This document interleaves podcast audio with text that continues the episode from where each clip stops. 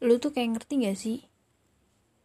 Misalkan ada dua orang sepasang yang dia tuh membangun jalan untuk menciptakan kebahagiaan.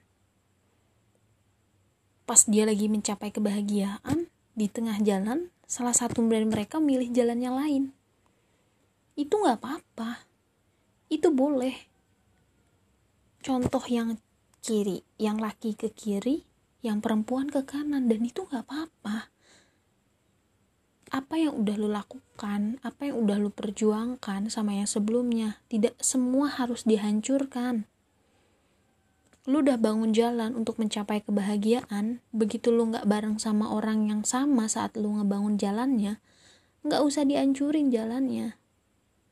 Lu bisa melanjutkan jalan untuk kebahagiaan lu sendiri sama orang yang berbeda sampai di simpang jalan nanti titik ketemu di kebahagiaan dia sama orang lain ataupun lu sama orang lain itu nggak apa-apa.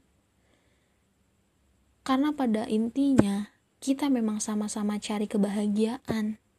Entah sama siapa pun nanti akhirnya yang terpenting apa pun yang kita mulai apa pun yang kita bentuk jalannya tetap dijaga sehingga ketika nanti lu ketemu di puncak kebahagiaan bersama dia, entah dia sama orang lain atau lu sama orang lain, itu tidak akan ada yang pernah benci.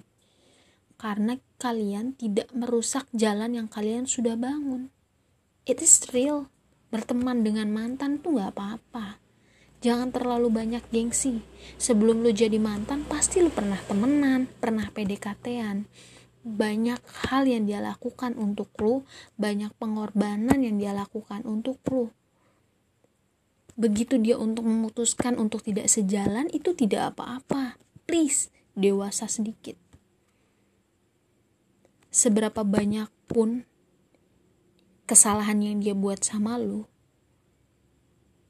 yakinkan pada diri lu bahwa dia juga pernah melakukan banyak hal seputar kebahagiaan lu.